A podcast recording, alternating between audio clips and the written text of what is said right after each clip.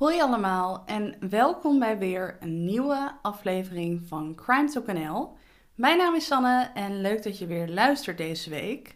Zoals altijd hoop ik natuurlijk dat alles goed gaat met jullie, met mij in ieder geval wel. En voor we beginnen wil ik ook even mededelen dat ook deze aflevering weer mede mogelijk is gemaakt door Storytel. Mocht je Storytel nog niet kennen, Storytel is een dienst waarmee je meer dan 350.000 luisterboeken kunt beluisteren en e-boeken kunt lezen. Super handig natuurlijk en vooral heel erg makkelijk, omdat je overal waar je maar ook bent je favoriete boek kunt beluisteren of lezen. Mocht je dat nou eh, interessant vinden, dat snap ik, want het is ook heel chill, dan kan je dat nu uitproberen via Crime Talk. Als je namelijk naar story.tel slash crimetalk gaat, kun je 30 dagen gratis gebruik maken van de diensten van Storytel. Ehm, het is gewoon opzegbaar, dus je zit nergens aan vast. Dus dan kun je gewoon heel chill 30 dagen kijken of Storytel iets voor jou is.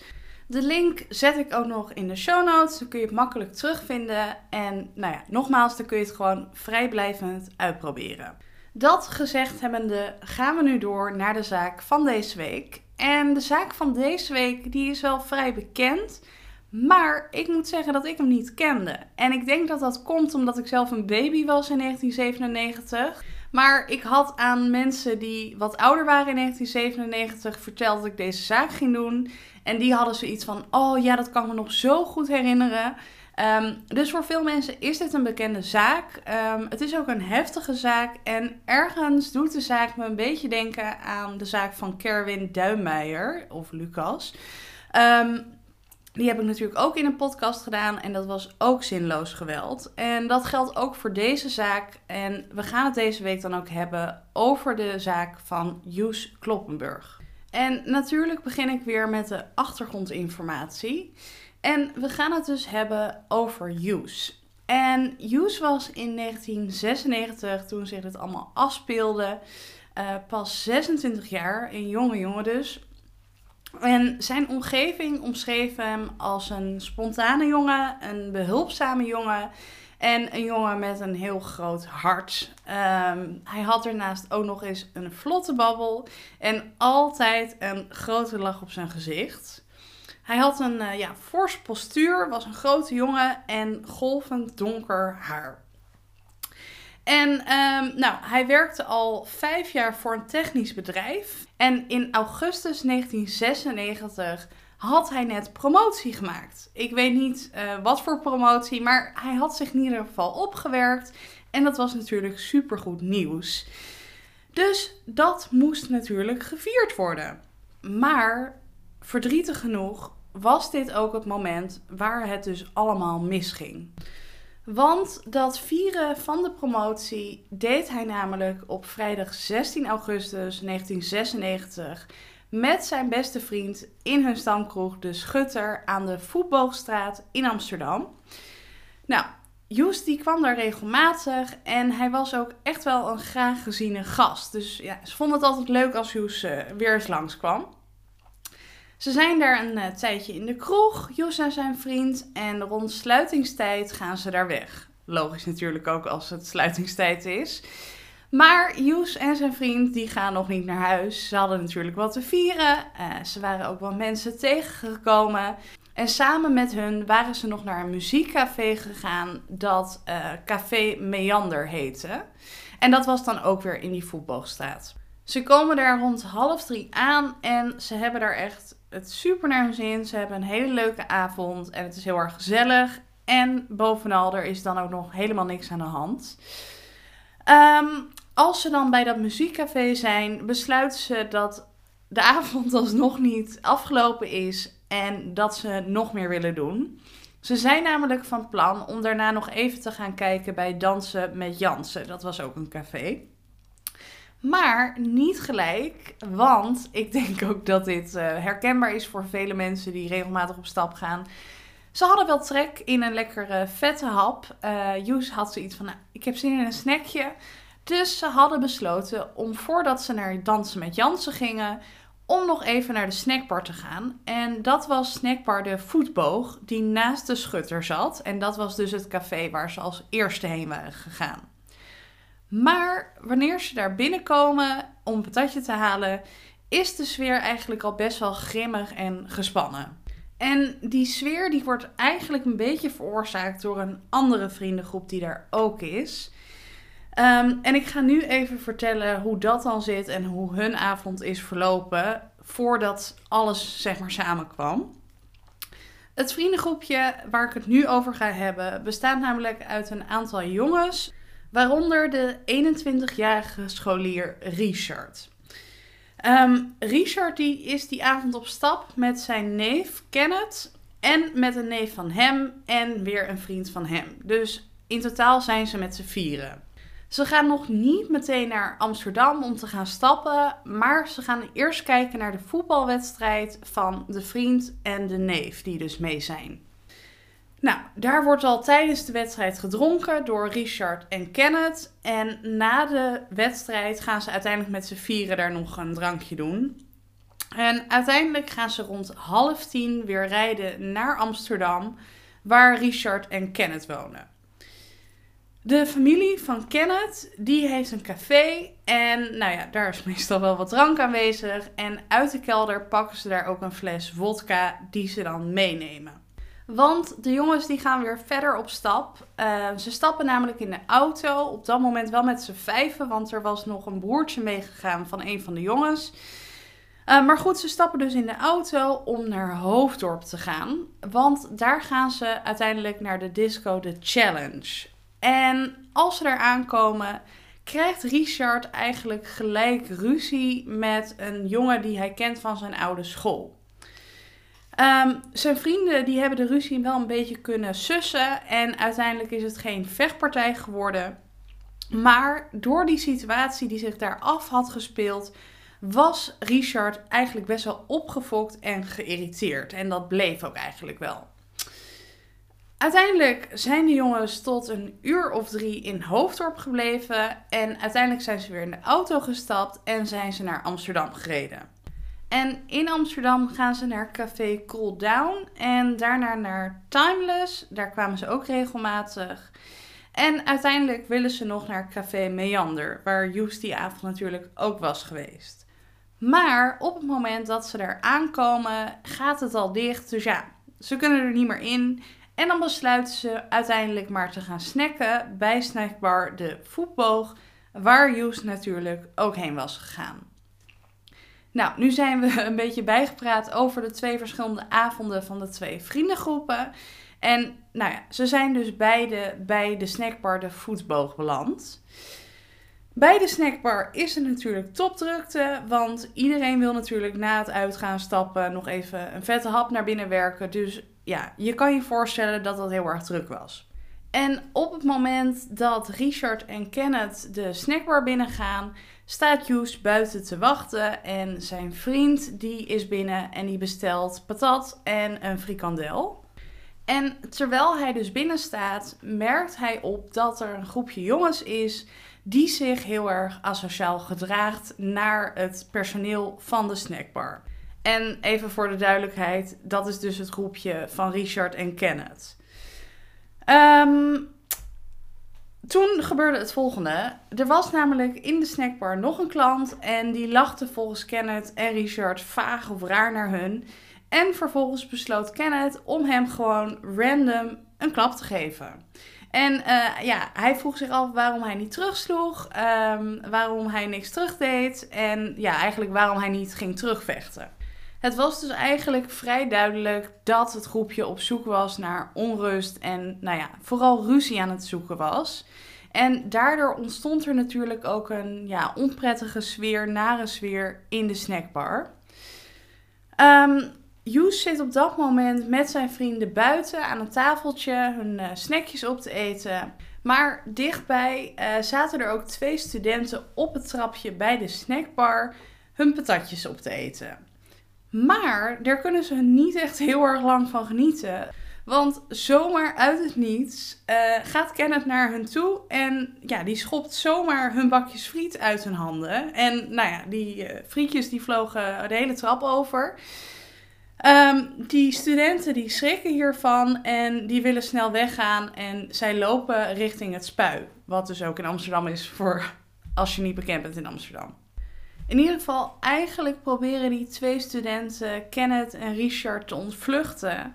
Maar dat is niet uh, ja, wat lukt, want Kenneth en Richard die besluiten ze achterna te gaan.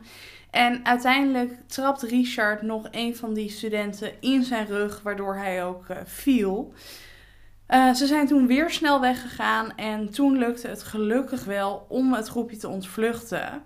Maar door dit alles was er natuurlijk een nog vervelendere sfeer ontstaan. En uh, de eigenaar van de snackbar, die had ook zoiets van, nou, dit is een onveilige situatie. Uh, veel klanten waren ook al weggegaan uit de snackbar. En uiteindelijk heeft hij ook besloten om de snackbar gewoon gelijk te sluiten en de deur dus echt op slot te doen en niemand kon er meer in. Maar goed, niet alle klanten gaan natuurlijk gelijk weg naar huis. Uh, er zijn op, op dat moment best wel wat mensen voor en rondom de snackbar. Maar Richard en zijn groepje die zijn echt overduidelijk op oorlogspad en vinden dat ze nog niet genoeg ellende hebben aangericht. Want voor de snackbar trapt Richard zomaar en echt compleet random een uh, student tegen zijn schenen. En alsof dat de normaalste zaak van de wereld is, uh, nadat ze hem dus hadden geschopt, gingen ze weer weg. Uh, ze gingen richting de Heilige Weg. En onderweg riepen ze nog naar die student toe dat zijn kniebanden er ook aan zouden gaan. Um, ja, een hele gezellige sfeer dus. In ieder geval, die jongens die gaan richting de Heilige Weg. En onderweg komen ze een dakloze tegen die hun om geld vraagt. Je voelt hem misschien al aankomen. Um, die vraag die viel natuurlijk niet goed bij uh, Richard en uh, Kenneth en het groepje. En uiteindelijk besloten ze om die dakloze zomaar onderuit te trappen. Puur omdat hij dus uh, een vraag stelde. Bizar natuurlijk. En er is nog iemand die dat bizar vindt. En dat is Yanis Safiris. Ik hoop dat ik het goed uitspreek. Uh, maar hij ziet dit allemaal van een afstandje gebeuren. En hij roept van, uh, nou, wat doe jij nou? Dan moet je eens bij mij proberen. Nou, Richard hoorde dit ook. En voor hem was dit een teken om op hem af te gaan.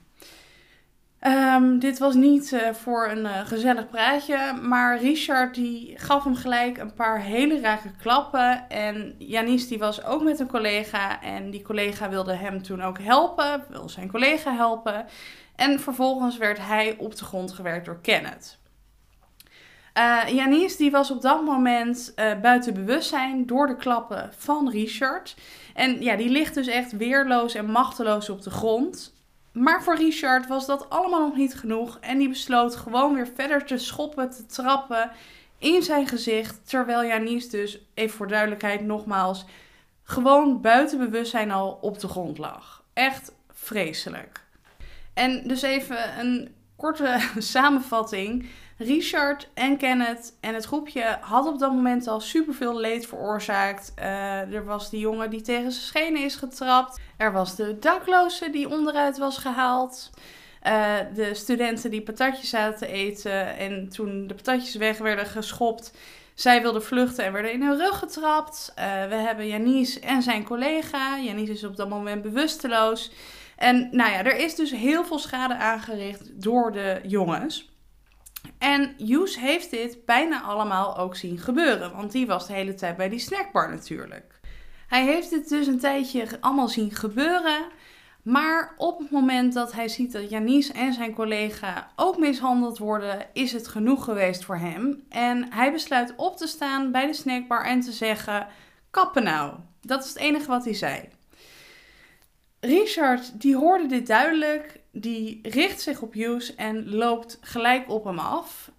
Um, die schrok hier heel erg van, want hij zei natuurlijk alleen maar kappen nou en was verder zelf niet op zoek naar ruzie.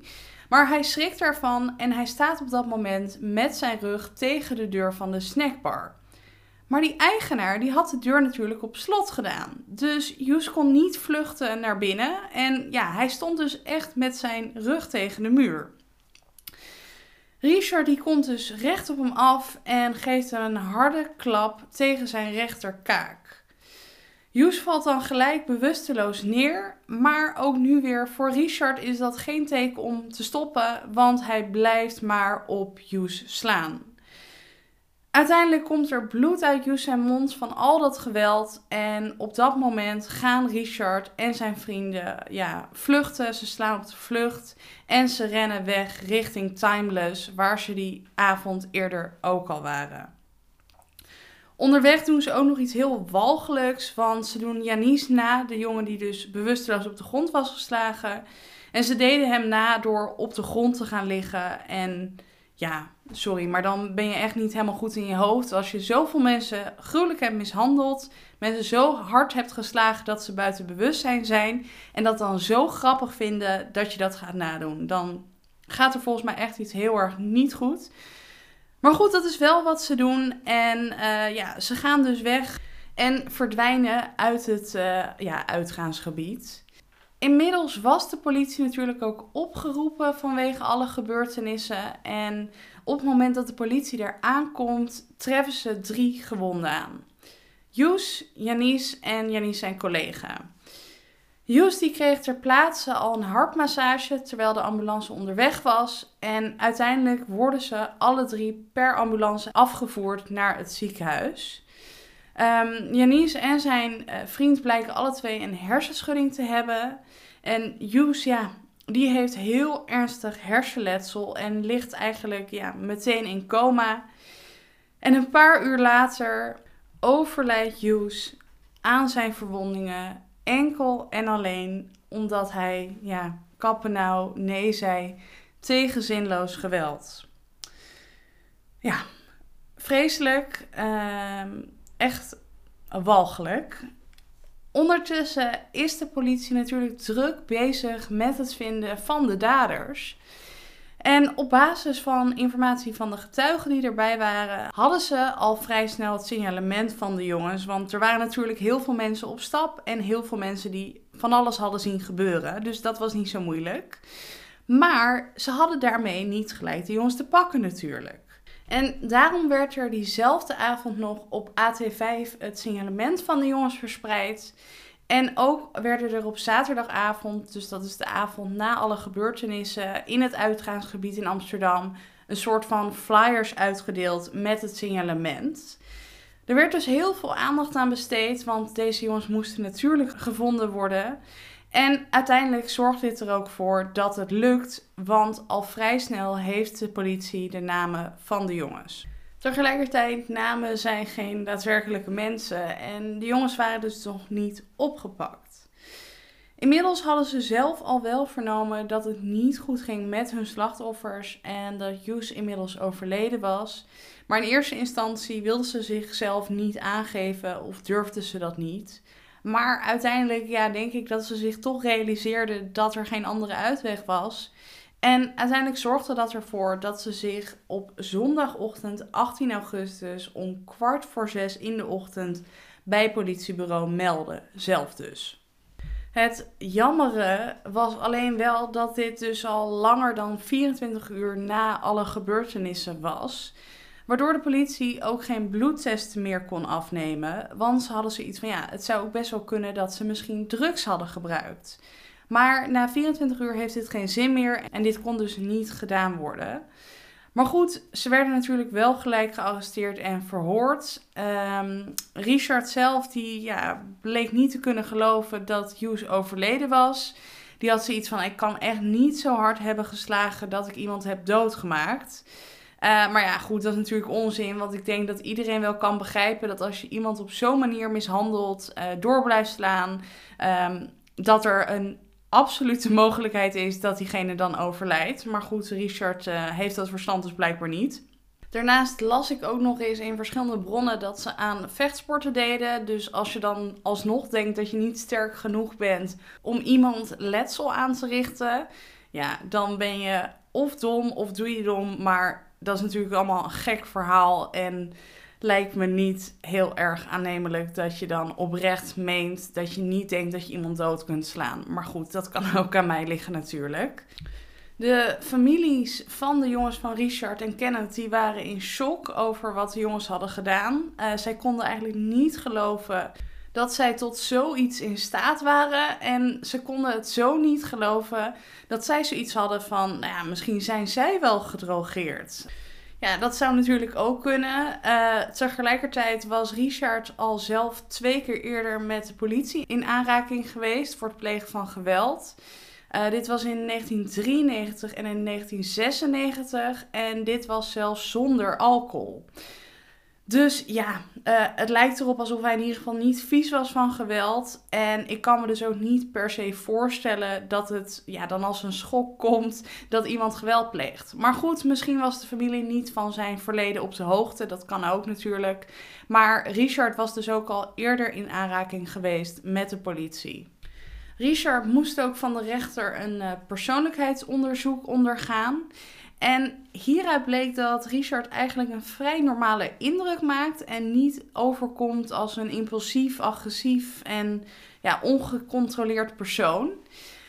Daarnaast uh, voelde Richard zich ook uh, ja, schuldig over wat hij had gedaan. En um, dat was dus eigenlijk best wel raar. Want als je het verhaal zo hoort, dan zou je dus denken van nou, die is helemaal gek en dat is niet een normaal persoon.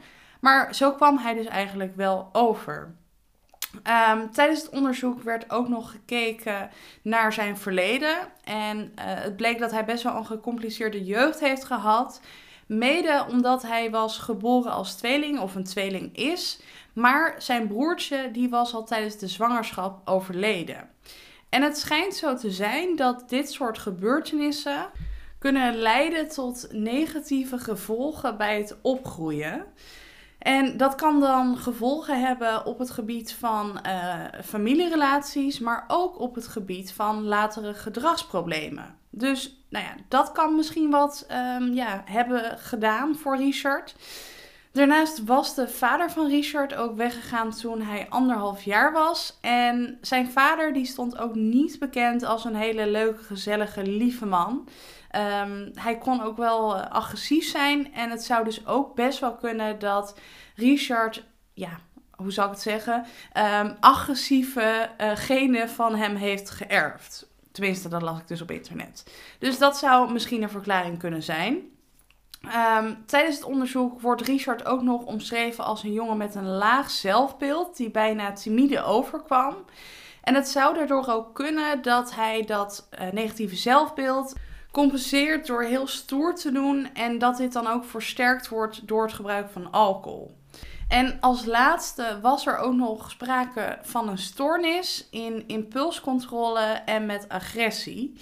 En daardoor werd er ook wel gesproken over de kans op herhaling en dat die wel aanwezig was. Dus het zou best wel kunnen dat als Richard hierbij niet geholpen zou worden, dat hij dan terug zou vallen in zijn stoornis en vaker geweld zou kunnen plegen. En daarom werd er ook geadviseerd om naast een celstraf TBS op te leggen, zodat daaraan gewerkt zou kunnen worden. Dus dat was het advies. En op 25 november 1996 moesten Richard en Kenneth voorkomen. Tegen Richard werd zes jaar cel met TBS geëist. En volgens zijn advocaat was TBS echt absoluut veel te heftig. En daarom werd er uiteindelijk besloten om Richard ook nog eens in het Pieter Baan Centrum te laten onderzoeken. En ondertussen kreeg Kenneth al wel zijn straf en hij kreeg drie jaar cel, waarvan zes maanden voorwaardelijk. Dus hij moest uiteindelijk 2,5 jaar en de laatste zes maanden mocht hij dan voorwaardelijk uitzitten. Richard die moest dus naar Pieter Centrum en uiteindelijk is hij daar zeven weken eh, ja, onderzocht, heeft hij daar gezeten. En uiteindelijk werd daar vastgesteld dat hij volledig toerekeningsvatbaar was en daarom adviseerde zij ook niet per se TBS. Uh, de officier van justitie die had al eerder gezegd dat als het Pieter Baan Centrum geen TBS zou adviseren, er een hogere ja, celstraf zou worden geëist. En uiteindelijk werd dat 12 jaar. Dus er werd 12 jaar geëist. Maar dat kreeg Richard niet. Um, hij kreeg uiteindelijk 8 jaar. Wat ik persoonlijk best wel weinig vind voor een zinloze moord met grof zinloos geweld. En als je ook nog bekijkt wat voor schade en leed hij nog meer heeft aangericht. Ja, nou ja, ik vind het persoonlijk een lage straf. Acht jaar voor al het leed, dat is eigenlijk niks. Ik bedoel, Richard die kan zo weer zijn leven oppakken. En ja, alle mensen die hebben een trauma, uh, hele nare ervaringen opgedaan. En Joes die is natuurlijk gewoon overleden. Die heeft levenslang gekregen, net als zijn familie, die hem tot op de dag van vandaag nog moeten missen. Dus al met al, persoonlijk, ik weet niemand vraagt erom, maar ik vind het echt een hele lage straf. Ehm, de dood van Hughes, ja, die bracht heel veel teweeg. Uh, sowieso het hele land was in rouw, in shock, want hoe was het mogelijk dat er in Nederland gewoon iemand om het leven werd gebracht omdat hij alleen maar zei kappen nou? Ja, iedereen vond het heel bizar en terecht natuurlijk, want het is ook heel erg bizar. Maar al snel kwam er daarom ook het idee om een gedenkteken te plaatsen in de Voetbalstraat voor Hughes. En dat gebeurde uiteindelijk ook een jaar na zijn dood. Hiervan post ik natuurlijk ook een foto op Instagram. Ehm, de vader van Hughes heeft zich sinds de dood van Hughes ook enorm ingezet tegen zinloos geweld en nog steeds. Ehm, er is een documentaire gemaakt over de gebeurtenissen. Ik heb die helaas niet kunnen terugvinden, want ik was zelf natuurlijk ook heel erg benieuwd. Maar ja, hij is niet te vinden op internet. Uh, maar ik ga alsnog een keertje kijken als ik hem ooit kan vinden. Uh, misschien komt hij weer een keertje boven water. Of misschien heeft iemand stiekem toegang. Laat het dan even weten. Um, maar het land was in ieder geval in shock. En uh, ja, er werd heel veel gedaan om Hughes te herdenken. En om hem in leven te houden door middel van die stichting en de documentaire bijvoorbeeld. En ik moet echt zeggen, ik vind het wel heel erg knap. Bijvoorbeeld van de vader van Hughes dat hij het toch nog ja, weet om te zetten en um, ja, er iets goeds voor terug doet. Het was natuurlijk het allermooiste geweest als het nooit nodig was geweest en dat hij zijn zoon nog had. Maar ik heb altijd super veel respect voor mensen die dan toch denken, nou, ik zet de knop om en ik probeer er toch iets positiefs uit te halen. Want nou ja, dat moet je natuurlijk ook maar kunnen. Um, dus ja, er werd veel gedaan um, en terecht, want het is en blijft ook een hele heftige zaak. Ik blijf het zo bizar vinden dat ja, mensen eigenlijk, ja, ik ga toch gewoon zeggen, voor hun lol andere mensen pijn doen. En op die manier ook gewoon mensen het leven ontnemen. Echt. Ik heb er geen goed woord voor over en ik kan er echt niet over uit. Um, tegelijkertijd zet zo'n zaak mij ook persoonlijk heel erg aan het denken. Ik denk dat het voor veel mensen ook wel herkenbaar is. Dat je denkt van ja, goh, in hoeverre ben je veilig als je een ander wil helpen? In hoeverre kan je zeggen, stop daarmee zonder zelf slachtoffer te worden? Ja, dan ben ik misschien laf, maar ik weet niet of ik het nog zou durven als je dit soort dingen hoort. Um, maar goed, gelukkig zijn er heel veel mensen die wel zo dapper zijn om te helpen. Um, maar ja, dat moet niet op zo'n manier aflopen. Dat echt. Nogmaals, ik heb er geen goed woord voor over. En ja, ik vind het echt een vreselijk heftige zaak. Dit was in ieder geval wat ik jullie kon vertellen over de zaak van Hughes Kloppenburg, de held, zo ga ik hem toch noemen. Um, ik heb helaas geen kijk, luister, leestip voor jullie, maar hopelijk komt hij snel weer. Het beeldmateriaal zet ik natuurlijk op Instagram, uh, daar kun je me ook volgen. En dan wil ik jullie gewoon nu bedanken voor het luisteren deze week. Foto's zet ik dus op Instagram. Uh, de link voor Storytel zet ik in de beschrijving van de podcast. En nou ja, dat is eigenlijk alles wat ik te zeggen heb. Bedankt voor het luisteren. Tot volgende week en tot horens.